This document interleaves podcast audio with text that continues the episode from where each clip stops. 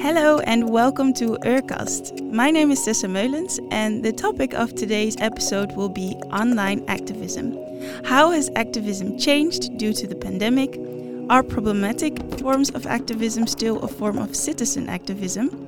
And I will be talking about this with Dr. Delia Dumitrica.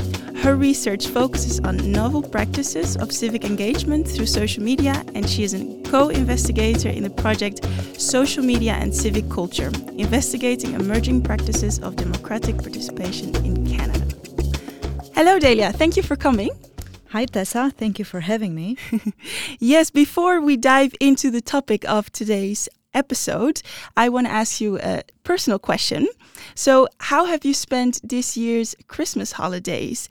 And was it any different than the previous years due to the pandemic?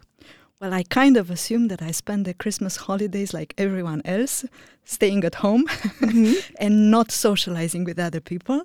Um, I usually travel somewhere over the Christmas holiday just to, you know, enjoy perhaps a bit of snow and take my dog out of Rotterdam because she's quite afraid of uh, the fireworks and the firecrackers. Yeah. Um, so this year we had to stay at home, but it was much better, I have to say, because of the ban on the fireworks and the firecrackers. So the dog was happy. Yes, okay. Sounds good. All right. Okay. Well, let's dive into the topic of today. Um, so, first of all, I would like to talk about the influence of the pandemic on um, activism. Um, so, due to social distancing measurements, citizen activists had to adapt their way of protesting. And one of the activist collectives you have examined is the youth environmental um, movement Fridays for Future. Can you shortly explain what Fridays for Future is about, the movement, and how did it have to adapt due to the COVID 19 measurements? Yeah, for sure. Um, Fridays for Future is a youth environmental movement, and I'm sure that most of the listeners are familiar with the leading, uh, um, the leading figure of this movement, Greta Thunberg. Um, well, like most of the researchers during the, the, the the first wave of the lockdown of the social uh, distancing measures, um, I became quite interested in things that have to do with the with the effects of the pandemic on our everyday activities. And because I'm interested in activism, this is the topic that I do research on. I thought it would be quite interesting to see how um, a youth movement is affected by the social distancing measures, particularly a youth environmental movement that had an iconic tactic of action the strikes, the school strikes in the streets.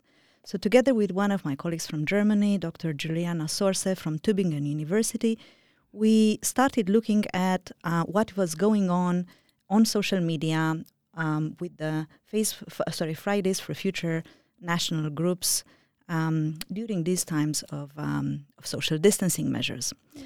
Um, what we wanted to know was the impact of the, the, the first measures, the social distancing measures, on a movement that, as I said, was known for its presence in the streets. Now that presence in the streets was being prevented or, or rather discouraged because of the pandemic. So, what else did they do? How did they adapt um, to, to the social distancing measures? And on March 11th, the World Health Organization declared COVID 19 a pandemic. That same day, Greta Thunberg posted um, on her social media accounts a message in support of the experts' advice um, and, and argued for, um, for people to avoid uh, large gatherings. And two days later, she posted more messages. She pinned one of her tweets encouraging protesters to join digital strikes instead of face to face protests. So the digital strike event um, encouraged Fridays for Future participants to take pictures of themselves using a sign, um, a make a homemade sign with a message consistent with the environmental cause of Fridays for Future, and then to share that picture on social media accounts, tagging themselves but also friends, um, and and tagging, of course, the Fridays for Future collectives. So this form of, of protest, the digital strike, replaced the face-to-face uh, school strikes that used to be the iconic uh, tactic of Fridays for Future. However, the surprise came when we started looking at the Facebook pages of the, the Fridays for Future collectives across the European Union, and we discovered that outside, or with the exception of this digital strike, most of the messages that were posted on social media had to do with um, community building and educational efforts. And in a way, it felt to us as researchers that what had happened during the pandemic, and of course, as, as a consequence of having to move the face to face school strike online, was that the movement shifted away from forms of contentious action and forms of contentious action that were visible in the public's eye, because of course the bodies on the streets have a powerful political symbolism associated with them. And uh, as a consequence of that, they also attract the media's attention and the attention of political elites. Now, in an online environment with this digital strike, it almost felt as if the movement was perhaps less involved in contentious forms of activism and more involved in forms of community building and educating their followers. Now, another surprise for us as researchers was that during these times, most of the Fridays for Future national collectives across the European Union were more oriented towards the the community building within the existing followers, but there were very little efforts, for instance, to reach outside of uh, the existing group of supporters and perhaps enlarge the base. Of course, we also realized that, like everyone else, the Fridays for Future um, uh, organizers had to adapt to what was going on and make sense of the situation. But in a way, we were surprised by the fact that most of this work um, made less use of what is traditionally associated with the mobilizing power and the contentious activity power of social media. Yes. All right. Yeah. So this switch to uh, focusing more on online communities was it successful? Oh, that's a really good question, Tessa, because success is a very difficult concept to assess. Yeah. Um, successful in terms of what? When it comes to protest activities, when it comes to social movements, success can always take different formats. I think that to a large extent, uh, the, the, the national collectives successfully mobilized social media and particularly Facebook in strengthening these community ties among existing followers. Another things that we have noticed was that um, during these times of social distancing measures, the Fridays for Future collectives were investing more in building partnerships and collaborations with similar organizations, so organizations interested in, in, in the environmental cause. On the other hand, in terms of their presence in the um, in, in, in, in the traditional media or in terms of their presence on the political agenda, success becomes a bit more difficult to assess. Um, one of the things that we have noticed was that, for instance, the movement was sharing stories published by traditional media that had to do with the environmental movement. But the movement itself, the coverage of the movement of the movement itself, um, yeah, that that remains an open-ended question. I did not do research on that, but it seemed to me uh, that anecdotally there was less attention from the media, from journalists to what the Fridays for Future movement was doing.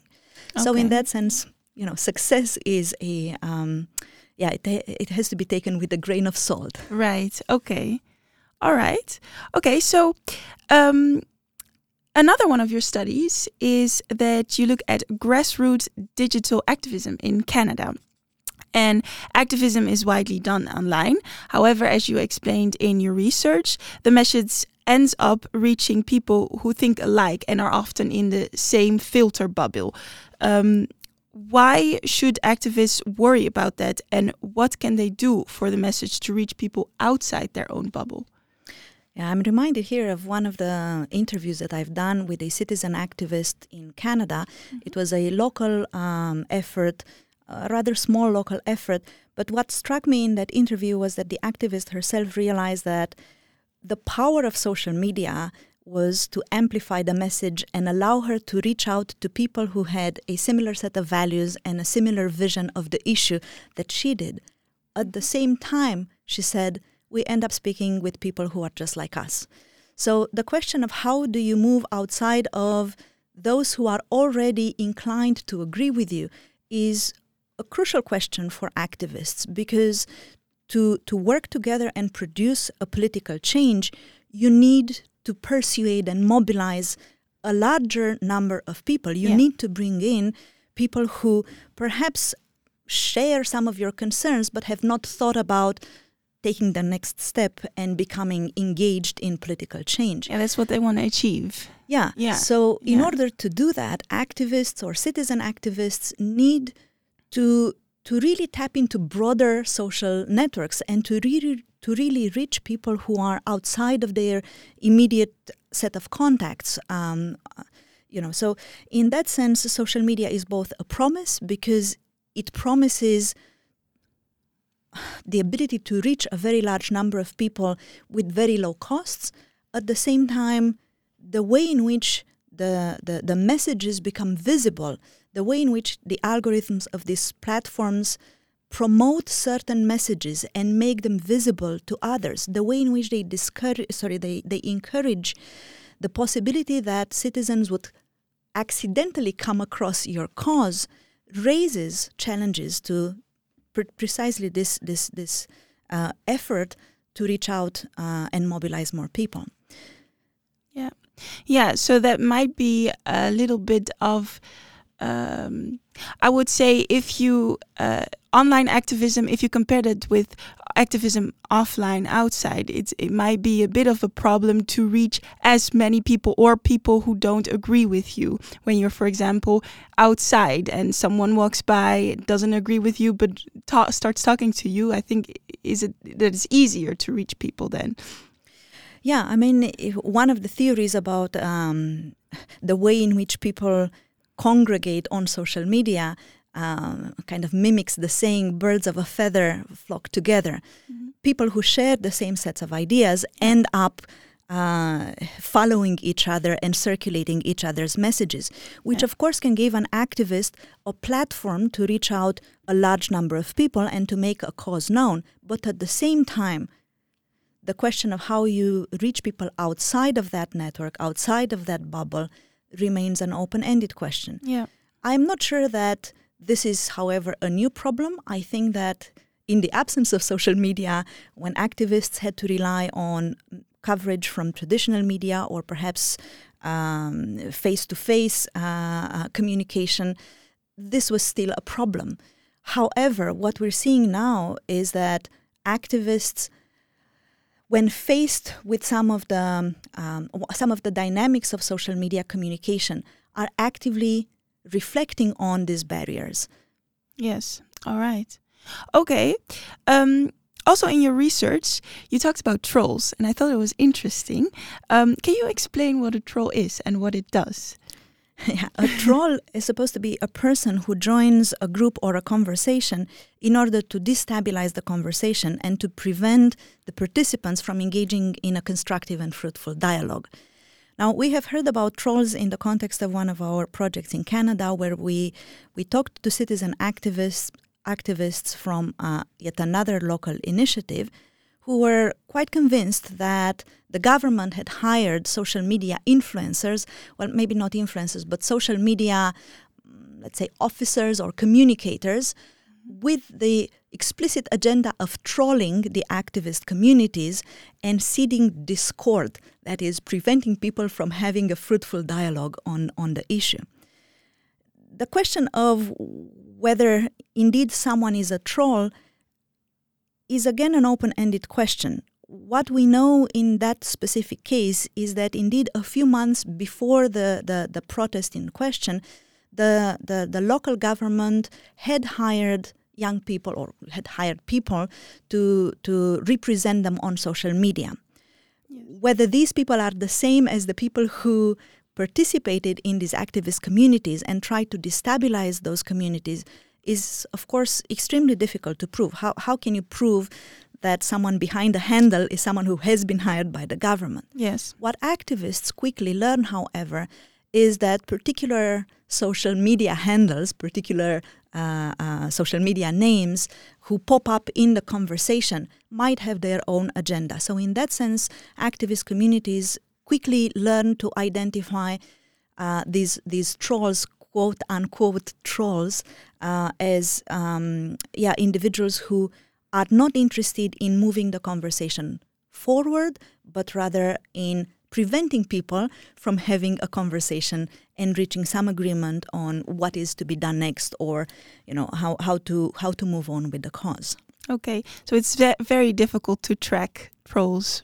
What is a troll? Who is it yeah so, it's it's very difficult yeah. and oh, yeah of course you have to rely on the experience of the activist community um, in order to to yeah. to to to say that you know this and that person is is a troll. Mm-hmm. Um, without doubt, some people join these communities in order to create chaos, mm-hmm. right? Um, but whether these are people who are hired by the local government or the state, uh, or whether they have their own agenda, that remains an open ended question. I yeah. would be interested in talking to trolls and finding out who they are and why they, why they are doing it but you know you, you, you have to have access to these type of uh, social media accounts and the people behind them in yeah. order to to have more uh, certainty as to who they are and what they represent mm-hmm. So if you are a troll, please let us know. All right. So let's move to move on to problematic forms of activism. So while citizen activism represent a core feature of democratic political systems, there are also problematic forms of activism.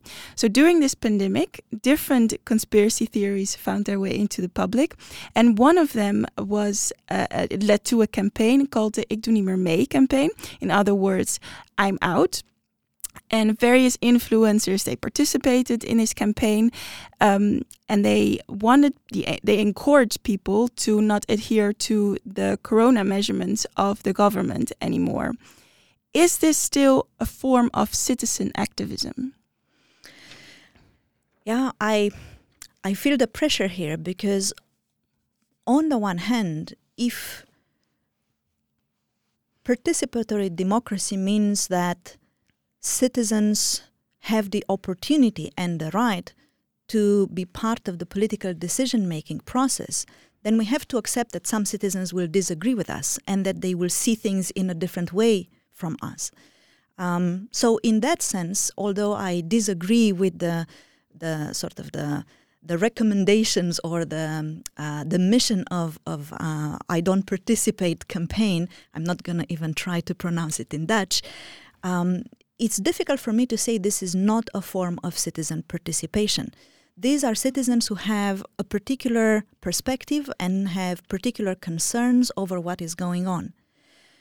Now, saying that this is a form of political participation or citizen participation is not the same as saying, I agree with the cause or I endorse this particular cause. So I would make the difference. I would try to distinguish between the act of participation where citizens would express or seek to express their concerns and make them known to the political elites in order to influence the political decision making process mm-hmm. um, and sort of the, the, the set of values that um, these citizens would seek to promote or see represented and implemented. So for me, it's a very difficult question because, as I said, on the one hand, I think that the particularly in the context of, of, of, Western democracies, where we have been quite concerned with the lack of citizen participation, with the lack of interest in the political life, to discard this form of, of participation and say this is not participation is quite dangerous. Yeah. On the other hand, to to to say that I agree with this. No, I don't agree with, with, with the, the end goal or with the values that were promoted in this campaign. What I do find interesting, however, is the question of what brings citizens to the point where they feel that they need to lend their support to this cause. So, in my case, my question would be to what extent can we learn something from the type of concerns and worries and perhaps inequalities or perhaps power relations that uh, transpire from this support to this campaign. Okay. All right. Um, the Ik Doe Niet Meer Mee campaign, it proved to be controversial. Is such controversy specific to this type of campaign, or are all forms of citizen activism susceptible to backlash? Yeah, I, I think that for sure, Ik Doe Ik doe niet meer mee. That one uh, is not the only form of activism or citizen activism that would be susceptible to backlash. Um,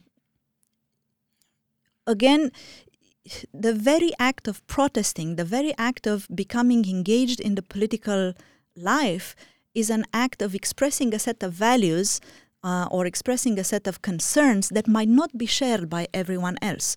So, by its very nature, citizen participation and these forms of campaigns that are um, perhaps opposing uh, existing regulations or existing official recommendations, by their very nature, they are contentious, they are oppositional. So, they will be met with resistance. And that can be said about all sorts of, uh, of, of, citizen protest and all sorts of, of uh, social movements. So, it's not just this campaign that is met with backlash um, participants in the Black Lives Matter campaign were also met with backlash online. Again, just like I said earlier, for me the question is what kind of yeah, what, what kind of values are represented by a particular collective of citizens uh, engaged in, in political participation? Mm-hmm. What is their end goal? Are they oriented towards social justice values, for instance? Or are they seeking to reproduce uh, more problematic values or a conservative worldview. Thinking about the set of values and, and the sort of uh, the end goals of uh, these, these, these citizen protests also helps you understand whether they are genuinely oriented towards a sort of a democratic outcome or whether they actually seek to close down the opportunities for political participation. Mm-hmm. Yeah. Yeah, that's also what I'm wondering because I feel like with this type of activism, it's they have a specific way of thinking and and they feel like that is the way it's supposed to be. So it doesn't really uh, ask for um, discussion. I feel like in this. Uh, yeah, and and that is that is actually a very good point because not all forms of citizen participation are themselves democratic. Mm-hmm. Right? So, w- when you notice that, when you notice that some forms of citizen participation actually do not encourage dialogue, do not encourage um, a, constructive uh, involvement and, and constructive criticism, but rather seek to close down opportunities for participation or uh, uh, refuse to engage in a dialogue on their own cause and their own mission, then you become suspicious right? Yeah. it is a valuable participation is as i tried to argue earlier a valuable form of uh, being part of a democratic system. But the end goal what are you participating for? What kind of change would you like to see? Would you like to see a change that further promotes a democratic form of politics where everyone is invited to participate but also to listen to what the others are saying? Or is it inviting a form of uh, of, of change that actually closes down the opportunity for people to participate in decision making processes or participate in social transformation. Yeah. Is that maybe, could that be a reason that there is so much backlash? Or is it difficult to. Uh... Yeah, I mean, in the context of this campaign, and, and this is just an informed opinion rather yeah. than the result yeah. of, a, of a study, in the context of this campaign, we we need to remember that society on a global scale, global society was in full lockdown. Uh, all of a sudden, we are faced with a health threat that can undermine our everyday life. Um, within this context, a set of rules are recommended by the experts. Again, in this context, the campaign itself seems to to yeah, to, to challenge precisely the rules and the norms and the recommendations that promise us a way out of this pandemic. So, in that sense, the campaign was quite problematic, Yeah. right? I mean, if if experts advise you to stay at home because you know the risk of passing the virus is too big, and you say, "I'm not going to be part of it," you're also saying, "I don't really care." Yeah. I think that you know I'm immune, or you know um, I, I I just discard the scientific evidence because I think yeah it's just Yeah. perhaps imagined. the backlash is connected to that, yeah. right? Because we would like to see a way out of this pandemic, Mhm. and if I'm responsible, and if you're responsible, and if we decide to listen to the experts and to follow the government recommendations, we do that because, on the one hand, we trust that the government will have our you know general interest in mind and on the other hand because we want to be out of this pandemic as soon as possible Yeah. backlash the backlash that this campaign encountered is connected to that Yeah. I also think that it is connected to the fact that in the Dutch society there is quite a lot of trust in political institutions and there is quite a lot of trust in the government, in the state institutions, but also in the government. Um, and there is a lot of trust in scientists as well. So, particularly in the context of the pandemic, when scientists are leading the discussion of what is going on and what needs to be done, um, I, I think that yeah, the, the, the level of trust is quite high in, in Dutch society, generally speaking, of course, Yeah. right? So that also constitutes the context of the backlash against this campaign. Right. Yeah. Okay. All right. So our final topic of today, your favorite research. Um, we have already discussed some of the research you have done.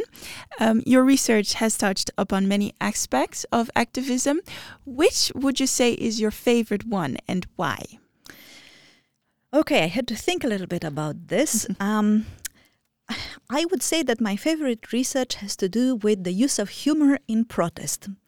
Um, I was quite interested in a set of uh, protests that took place in Romania. I am originally from Romania, so I do follow some of the political events over there. Um, there was this set of protests that started in 2017, and one of the things that um, caught my attention was the diversity of homemade signs that people brought with them to the protests and the fact that these signs were very humorous. So I thought, why not look into that? Because these signs make me laugh. What I really liked about this research project is that it made me question my own laughter. Okay. I had to focus on why I was laughing. And when I asked myself, why am I laughing? Why is this particular sign uh, funny to me? And would it be funny to someone who does not support the protesters? I, I became more aware of some of the. um, yeah, some of the violence that is involved in, in, in humor.